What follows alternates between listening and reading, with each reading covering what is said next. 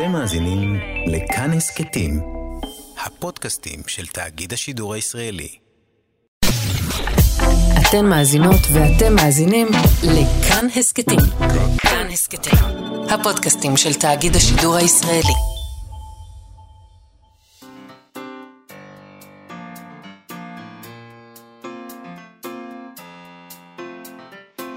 מה שכרוך.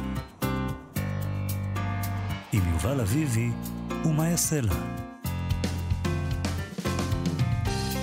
שלום, צהריים טובים, אנחנו מה שכרוך, מגזין הספרות היומי, בכאן תרבות, 104.9 ו-105.3 FM. אפשר למצוא אותנו גם ביישומון של כאן, באתר של כאן ובשלל יישומוני ההסכתים. איתנו באולפן אבי שמאי ויבגני לייזרוביץ', שלום לכם, שלום יובל אביבי. שלום, מאיה סלע. אחד הטקסטים היפים, ואולי החשובים, אני קצת מתבאס מהמילה הזאת חשובים, כי ברגע שאתה אומר, זה טקסט חשוב, הרגת אותו.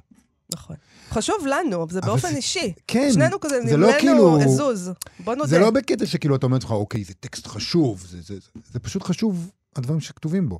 אה, אז אחד מהדברים האלה, אחד מהספרים האלה, זה, אה, זה ספרון כזה, אפילו אולי להגיד ספרון זה גדול על החוברת הזאת, נכון? 27 ספרון. ספרון, את רוצה? אפילו הייתי אומרת ספר, יובל.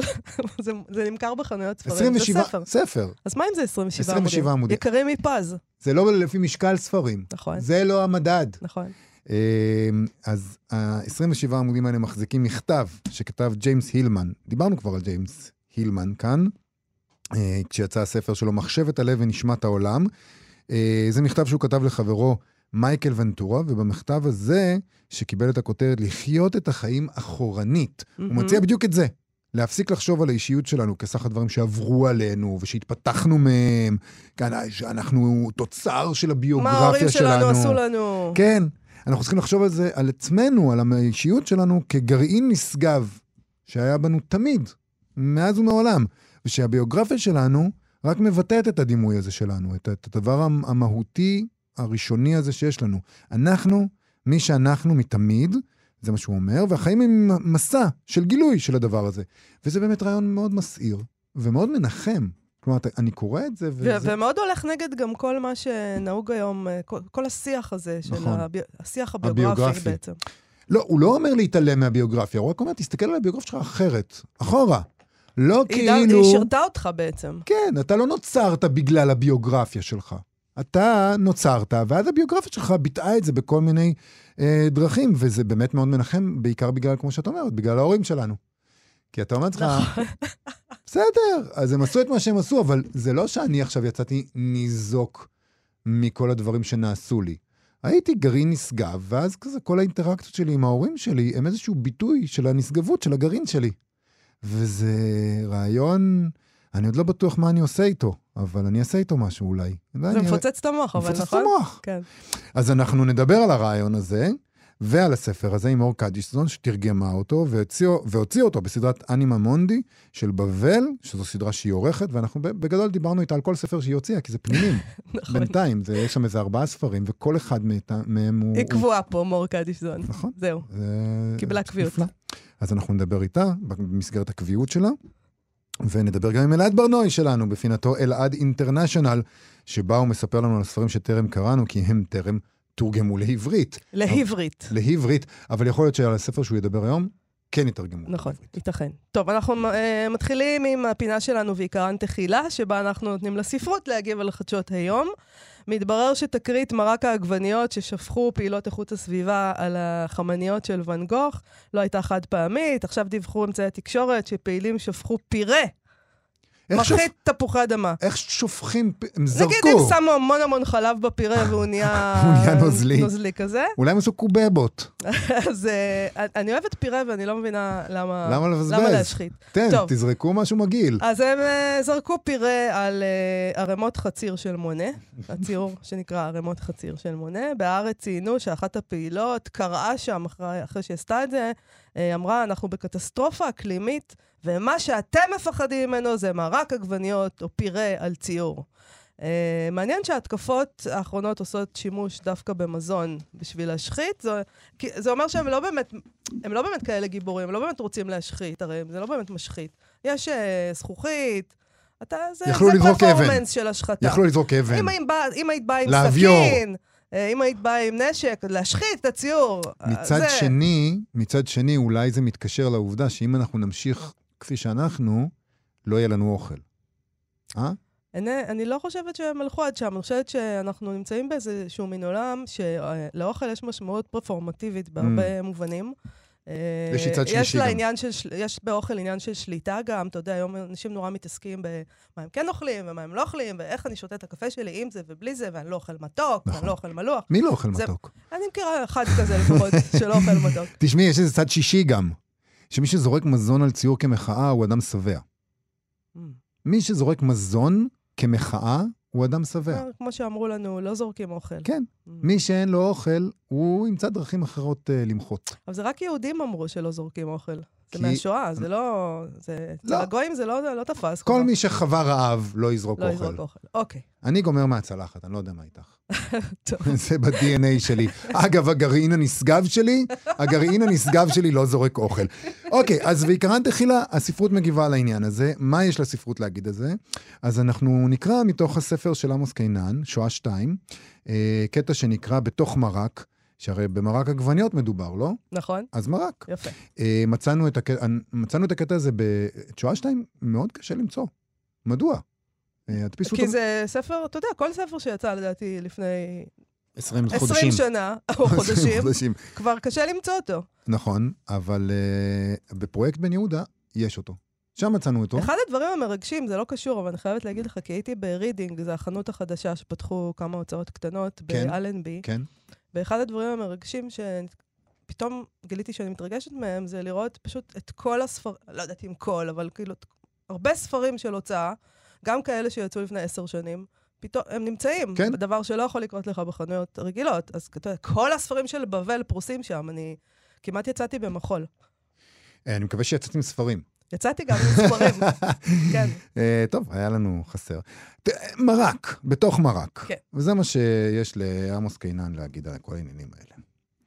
אני צף בתוך מרק. זה מוכרח להיות מרק, כי יש לזה טעם של מרק. מסביבי צפים ראשים, חלקם מחייכים, חלקם צועקים. יש גם גוויות מתות.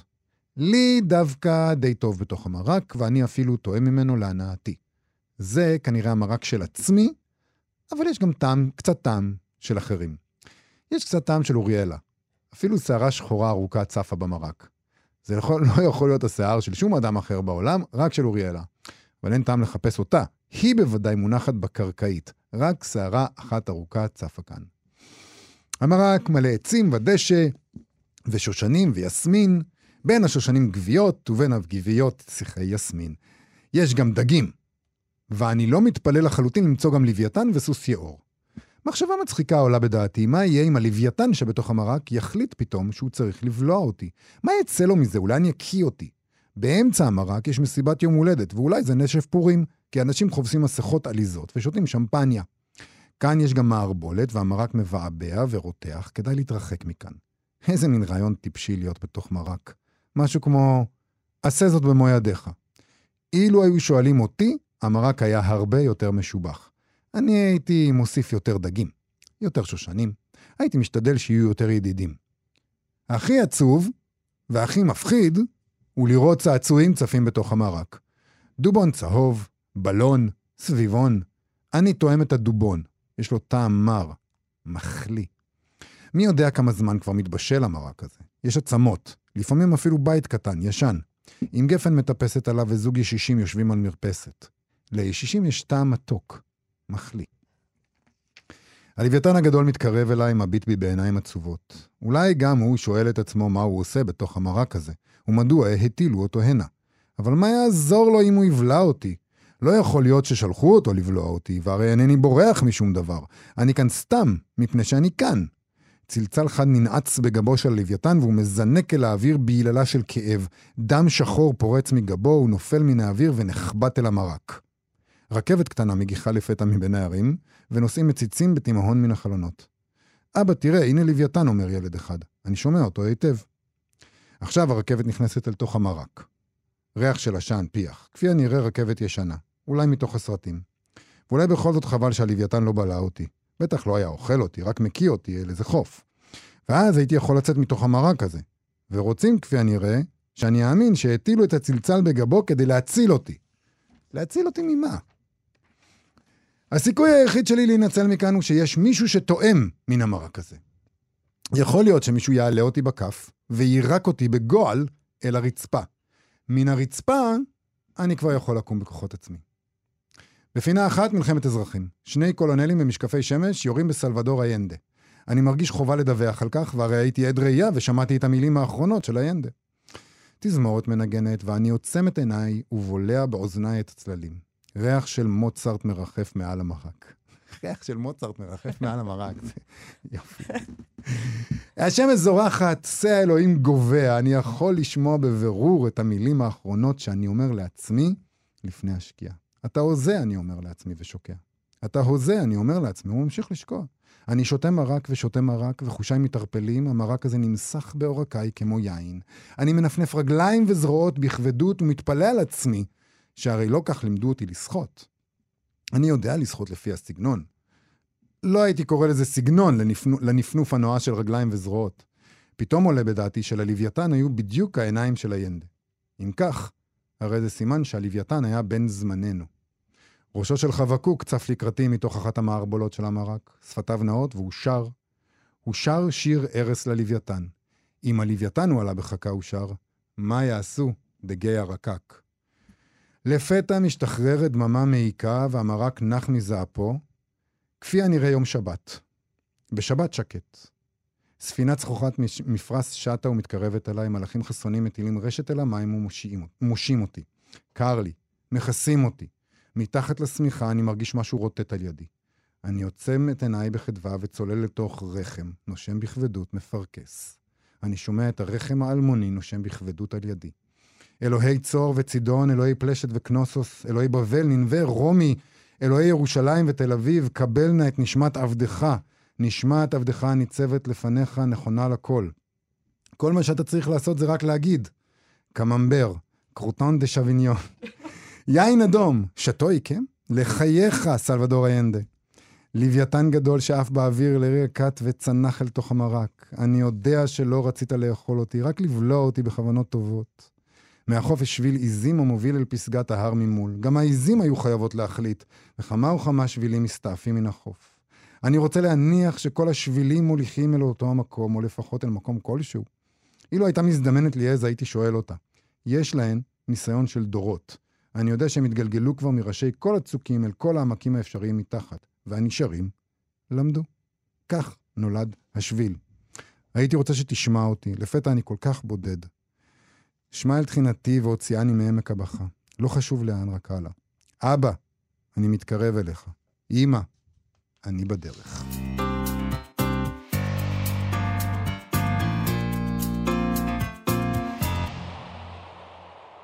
מה שכרוך בכאן תרבות, חזרנו. המוות של קאמי, כותב uh, ג'יימס הילמן, שהתנגש בעץ בשולב של כביש מהיר בצרפת, זה קאמי, כן? לא הילמן. ככה הוא כותב, תואם את דימוי הזר שלו, את האבסור האקזיסטנציאלי, את המעשה הסתמי, את הטענה שלו בדבר היותה של ההתאבדות השאלה המהותית היחידה בחיים. כל אחד מהאירועים והמחשבות והרעיונות האלה משקף את המלאך שלו. המלאך שלו זה ביטוי אצל ג'יימס הילמן שמתאר, שמתאר אולי את הדימוי של האדם, וגם הדימוי של האדם זה משהו שצריך להתעכב עליו, כי זה לא לגמרי אה, ברור. זה הגרעין של האישיות שלו, שהוא לפי הילמן לא תוצר של ההתפתחות שלנו לאור הביוגרפיה שלנו, אלא דבר מהותי העומד בפני עצמו, מראשית החיים. זאת אומרת, זה אנחנו, אנחנו קיימים מראשית הדברים, ואז לאט לאט הביוגרפיה מבטאת את הדברים האלה. אמ, הרעיון הזה אה, גורם לו לכתוב על לחיות את החיים אחורנית. כלומר, להבין את עצמך לא כמי שהחיים הפכו אותך להיות, אלא לחשוף את הדבר המקורי שאתה. את מה שהיית מיועד להיות. זו המטרה הגדולה היא בסוף החיים להסתכל ולהגיד, אוקיי, הנה אני. הנני כאן. הנני. אה, זה רעיון יפהפה, וגם מנחם מאוד, שיש לו משמעויות גדולות לטיפול באנשים, לתפיסה של הפתולוגיות הפסיכולוגיות שלהם. כי הוא כותב ככה, ג'יימס הילמן.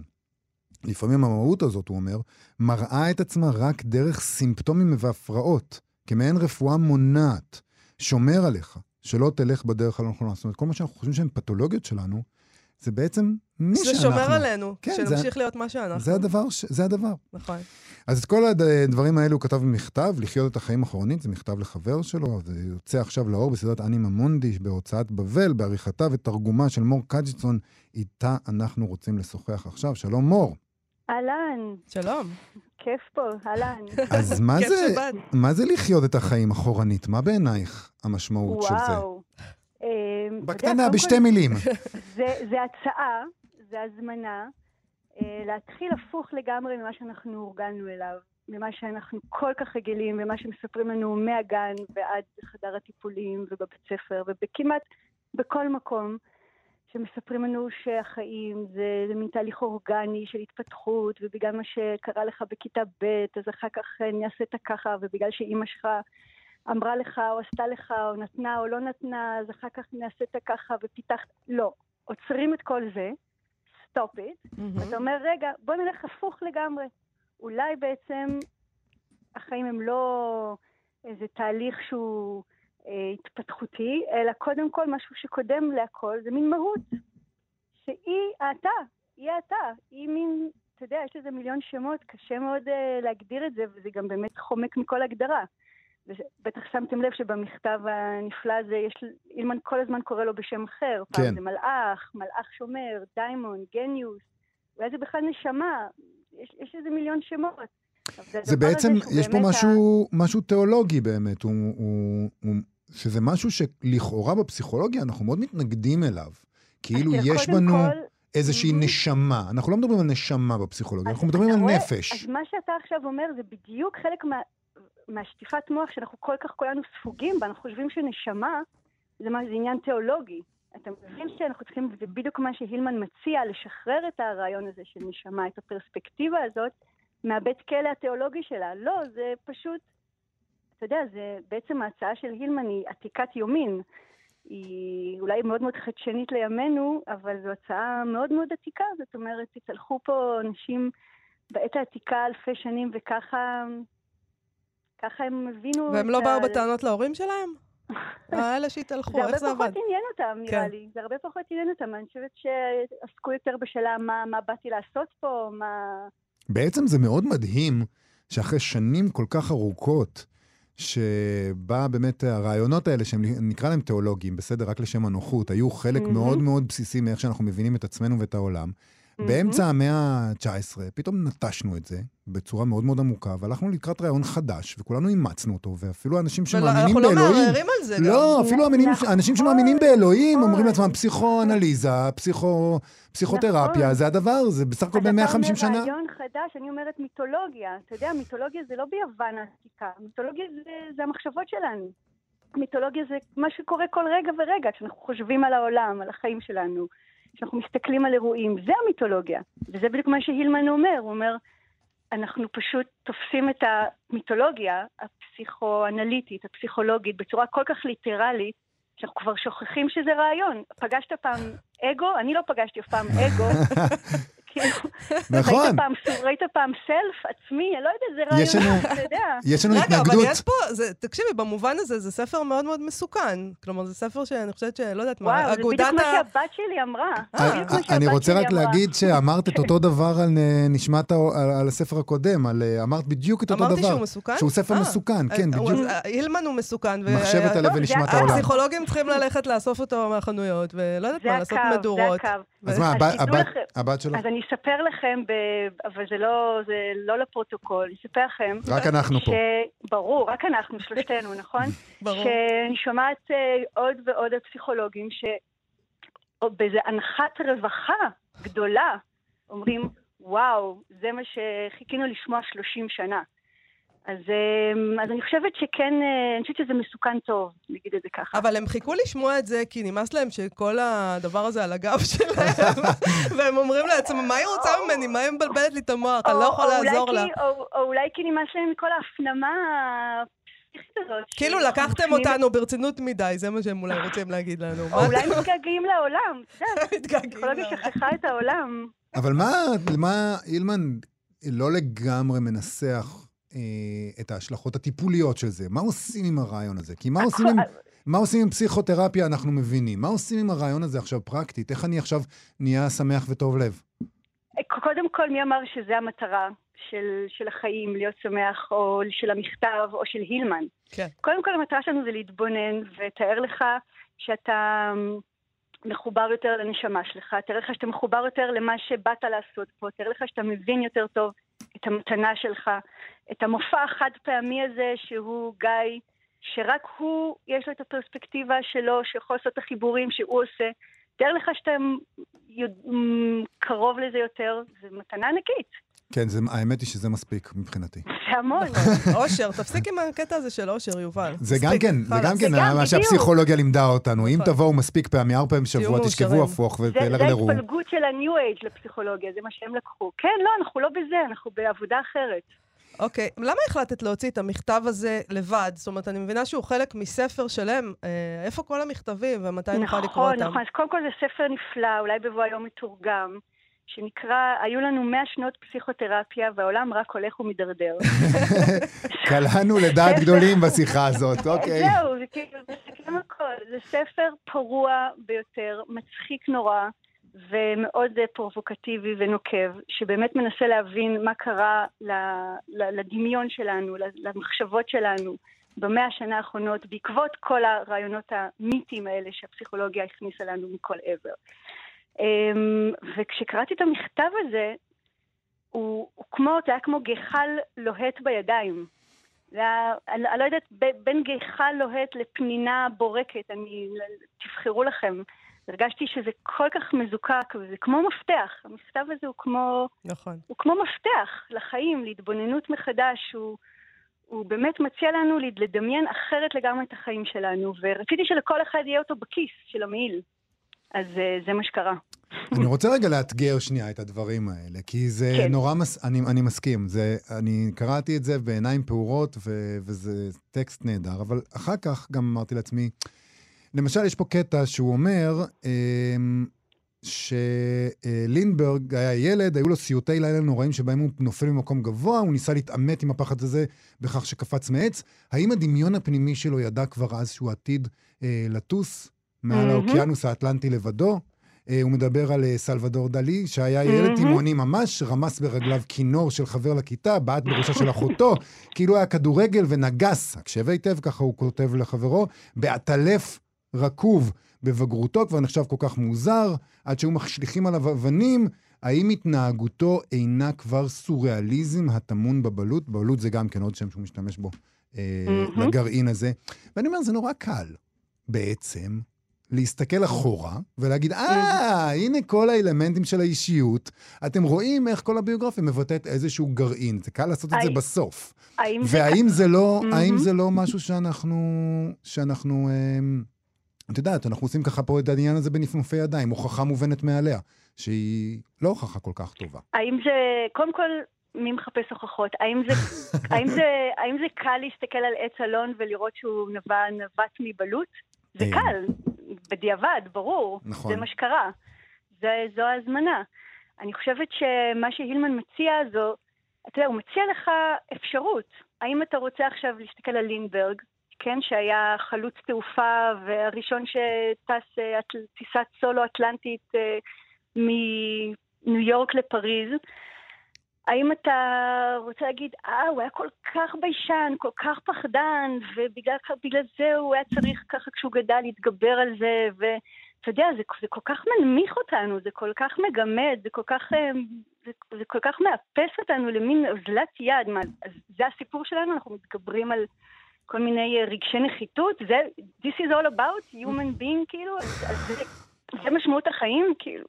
או שהבלוט שלו כבר ידע מה הוא בא לעשות כאן, ואתה יודע, ילד בן שמונה או תשע, הוא היה טס מצמרות של עצים ונוחת כאילו על הרגליים.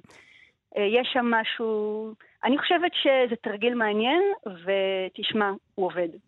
כי אם אתה עושה את זה ומתחיל להסתכל, ופשוט, אתה יודע, הנשמה, קש, קשה לתפוס אותה, אבל היא, היא פה, היא מדברת.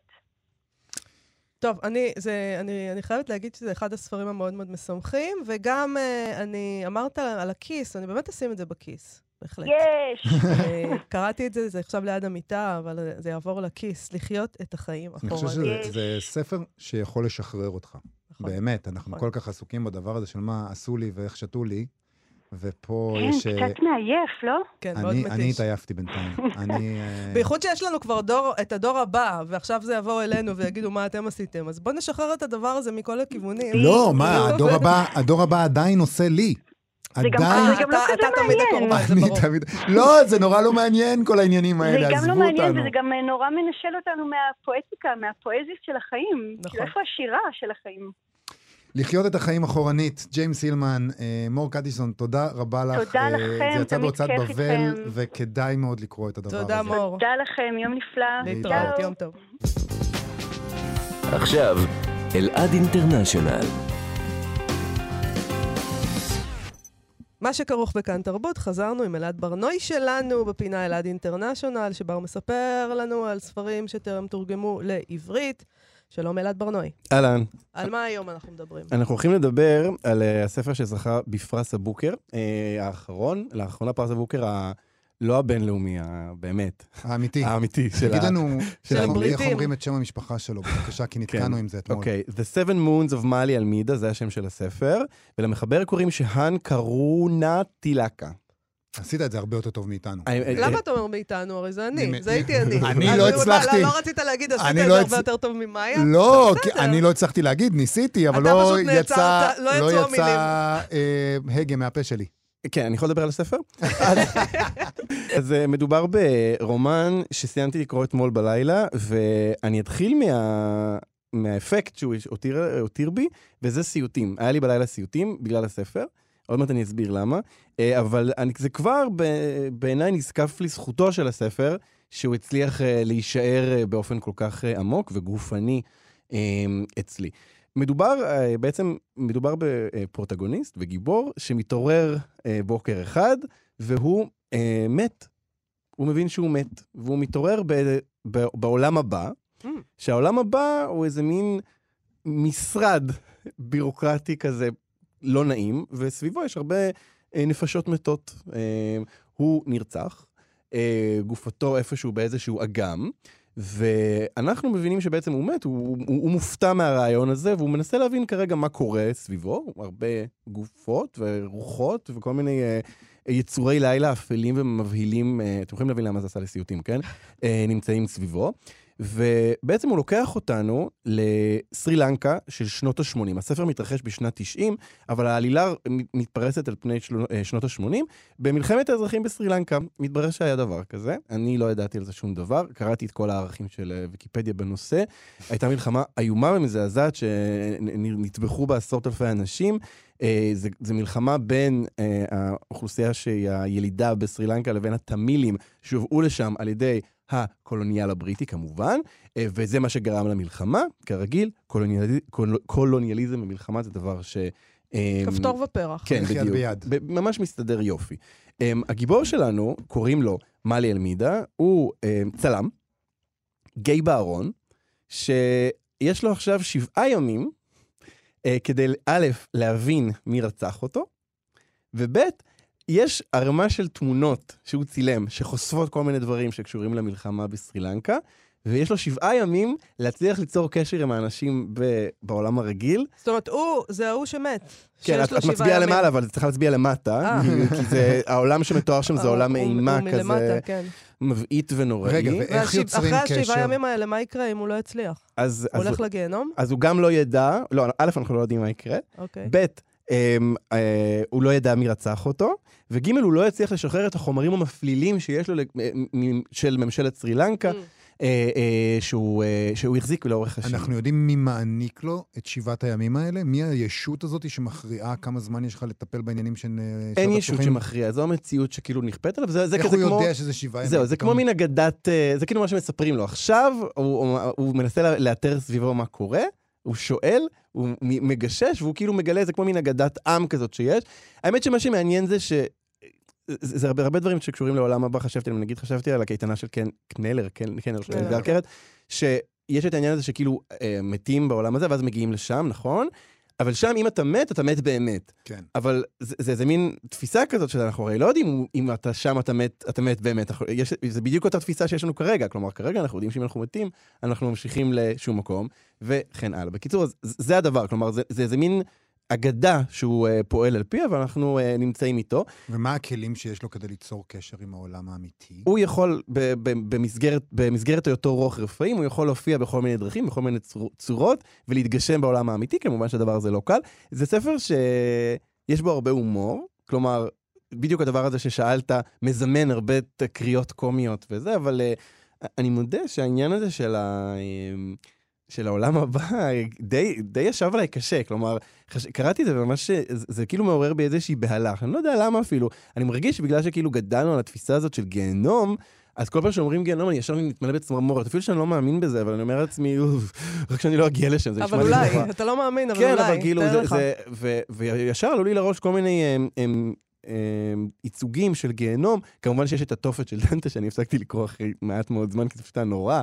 אבל יש גם את גן העדן האבוד של ג'ון מילט, אה, מילטון, יש את אה, אריק של טרי, טרי פרצ'ט, יש את סנדמן של ניל גיימן, שיש שם ייצוג מזעזע בעיניי של גיהנום, ויש את איים בזרם של המינגווי, שאני לא זוכר בדיוק מתי זה מופיע, אבל יש איזשהו רגע שמתארים שם את גיהנום באיזה שלושה עמודים, וזה נורא. כלומר, זה, זה מין משהו שנשאר איתך לאורך כל הספר.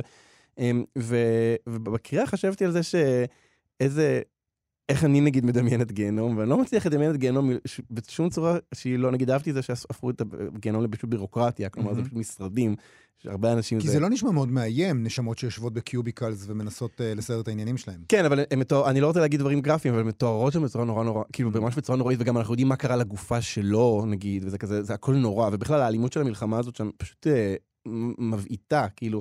זה באמת נורא, כאילו, אה, שאתה שומע על איזה מדינה, ואתה אומר, "אה, סרי לנקה נשמע מקום נחמד, ואז אתה מסתכל בגוגל, אה, יש שם מלחמת אזרחים נוראית שנרצחו, כאילו, כל כך הרבה מלחמות אזרחים שאנחנו אפילו לא יודעים עליהם, אז באמת הדבר הזה אה, נחשף בפניי בקריאה בספר, ואני חושב ש, שדבר שהטריד אותי, זה עד כמה קשה להצליח um, לייצג ייצוגים, ליצור ייצוגים חדשים של גיהנום בלי הדימויים הישנים של uh, איברים כרותים ואש ו, ומין כאב בריכות כזה. לבה ושטן כן, גדול. כן, ש- זה ממש הפריע לי. גם אה, צפיתי בסדרה סטנדמן לא מזמן, והרגשתי אותו דבר, כלומר, זה מין הגיהנום הקלאסי, שהדבר ש...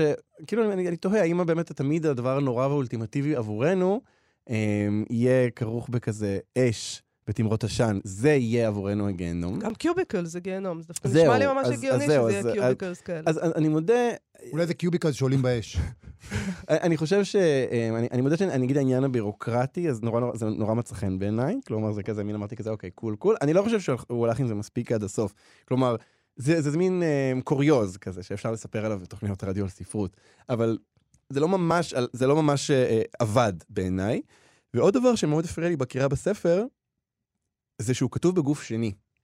אה, שזה דבר מתיש. כל הספר זה אתה, ואתה הולך, ואתה קם, ואתה זה... אבל זה ברור אולי, מ- ברור, לא קראתי את הספר, אבל ממה שסיפרת עליו זה נשמע דווקא מתאים, כי הרי הוא עובר איזה מין חוויה שבו הוא ולא הוא. הוא לא בדיוק הוא עצמו, אלא מישהו באמת מספר לו איזה, מס... הוא חווה איזה משימה שהוא צריך לבצע. כן, אבל, אבל בסוף אני יושב וקורא מאות עמודים של ספר, וכל הזמן אני שומע את ההוא, ועכשיו, אני, אני באופן אישי מאוד אוהב שמספרים לי בגוף שלישי, כלומר, אני, כמו שמרכלים, נכון? אמ, הוא הלך אתמול, הוא קנה את הספר, הוא עשה את זה, הוא התעורר וזה, זה הכי כיף לרחל. יש את הגוף ראשון, שאז בסדר, זה מעורר בי אמפתיה מאוד מהירה, נכון? כי זה מישהו שמספר לי, אני ישר איתו, גם אחלה.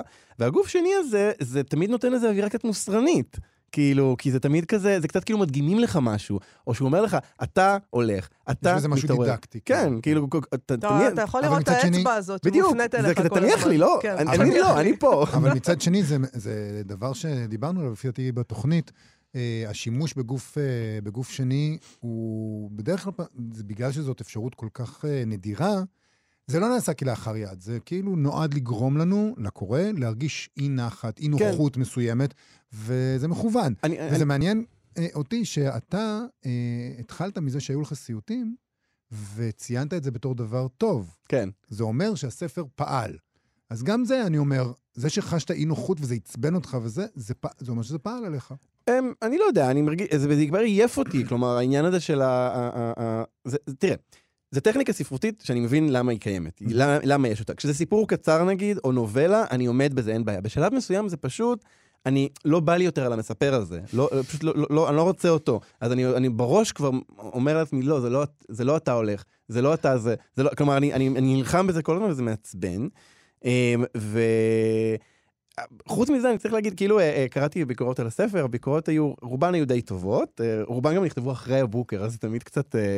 חשוד. כאילו, אתה יודע, אומרים, עכשיו הוא זכה בפרס, אנחנו, אנחנו שלא קראו אותו קודם, לא, כן. קראו, אבל רוב הביקורות שזה היו באמת אחרי. היה, הייתה ביקורת אחת, אני חושב, שכשהוא היה בלונג ליסט של אה, זה. הביקורות אה, אה, היו די טובות. הרבה השוו שם לכזה גבריאל גרסיה מרקס, כל מיני כאלה ריאליזם מגי, שאני ממש ממש לא מזהה שום קשר. אני, לי זה ממש הזכיר ספרות רוסית. גם באיך שהוא מדבר על המשטר הסרי לנקי, אה, וגם ב, באמת ב... העולב הזה של הנפש האנושית, אמרתי קודם נפשות מתות, זה, זה לא סתם, כלומר גוגול באמת היה לי בתודעה, אומן ומרגריטה, כל מיני ספרים כאלה, של כזה, אה, אה, אה, האופן שבו הנפש של האדם העלוב, המסכן, זה שרוצה להילחם, אה, מצל, מצליחה להפוך להיות איזה מין פסיק אה, אה, אל מול המשטר. אה, תרגמתי פסקה מתוך הספר, אם אתם רוצים אני אקרא. בוודאי. כן. אוקיי. נולדת לפני הלהיט הראשון של אלוויס, ומטת לפני הלהיט האחרון של פרדי. בזמן שבין לבין צילמת אלפים. יש לך תצלומים של השר שהביט בזמן שהפראים של 83 הבעירו בתים של תמ"לים וטבחו ביושביהם. יש לך די- דיוקנאות של עיתונאים שנעלמו, ואקטיביסטים שלא הותירו עקבות, כבולים וכפותים ומתים בעת מעצר. יש לך תמונות בזק, בזק גרעיניות, אבל ניתנות לזיהוי, של בכיר בצבא, קולונל טיגריס, וזוכר נשק בריטי באותו שולחן, חולקים קנקן של מיץ קוקוס.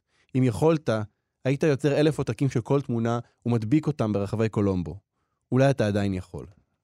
זה ממש אה, כזה מין מפתח בספר. היית נותן לו בוקר? עם כל אה, לא, הביקורת הזאת? אני מודה שלא קראתי את כל האחרים אה, מה, מהרשימה, אבל אני יכול להבין למה הוא זוכה. כלומר, גם הוא מאוד מאוד מקורי, הוא גם מתאר עולם אחר לחלוטין, גם כתוב באופן שאני באופן אישי לא השתגעתי ממנו, אבל, אבל אני יכול להבין למה הוא ייחודי. וגם, הוא הותיר בי מחשבה על איך אפשר לכתוב אה, אה, רומנים פוליטיים, אה, נגיד על עקבות של משהו, רוחות רפאים של משהו, בעוד, אה, בעוד זירות, כמובן ש, שגם הזירות שאני, שאני גדלתי בהן מעניינות אותי בהקשר הזה, אה, לדבר על מלחמות עבר בצורה כל כך כאילו מאגית כזו, וזה גם מתחבר אגב לכתיבה פלסטינית שמאוד מאוד מתעסקת ברעיונות האלה של רוחות רפאים אה, אה, שחוזרות ו, ורודפות ודברים כאלה, אה, אז אמרתי לעצמי, וואו, זה נגיד, אה, אפשר לעשות עם זה עוד הרבה דברים בעיניי. אלעד ברנועי, אלעד אינטרנשיונל, תודה רבה לך. תודה תודה, רבה. אלעד.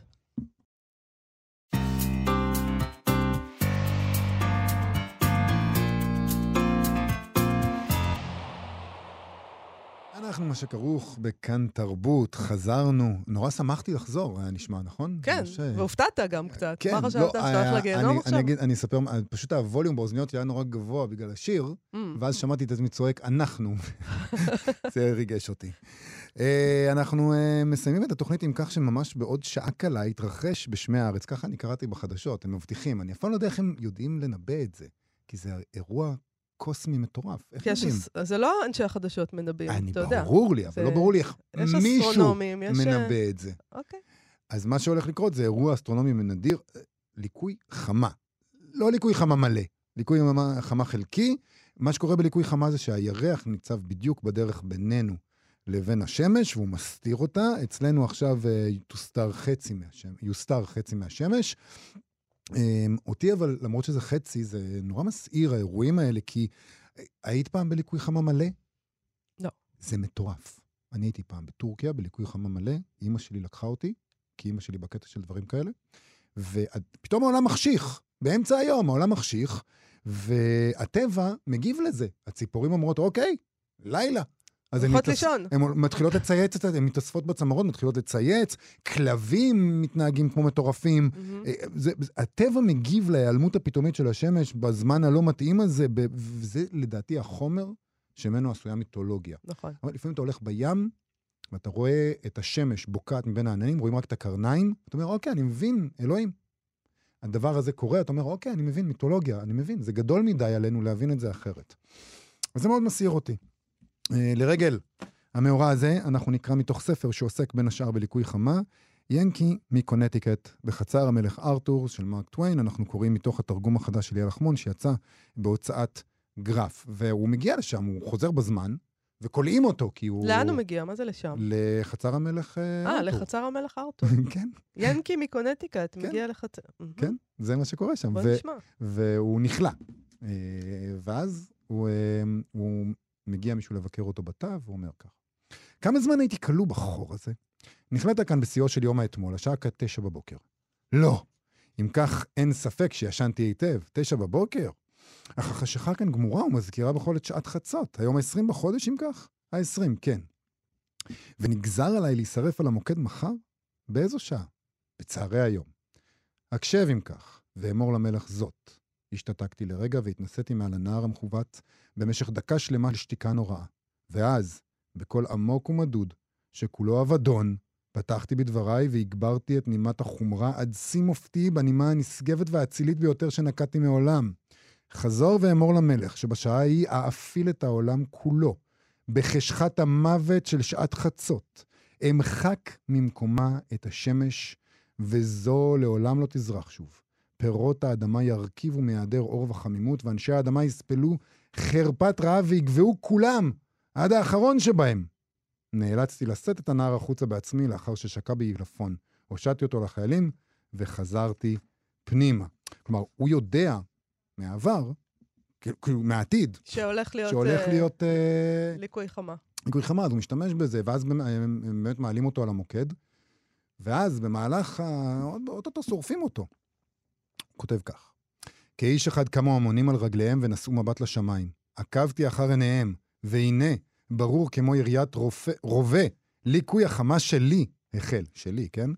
החיים בערו בעורקיי, הייתי לאדם חדש. שוליים שחורים התפשטו באיטיות על גלגל השמש.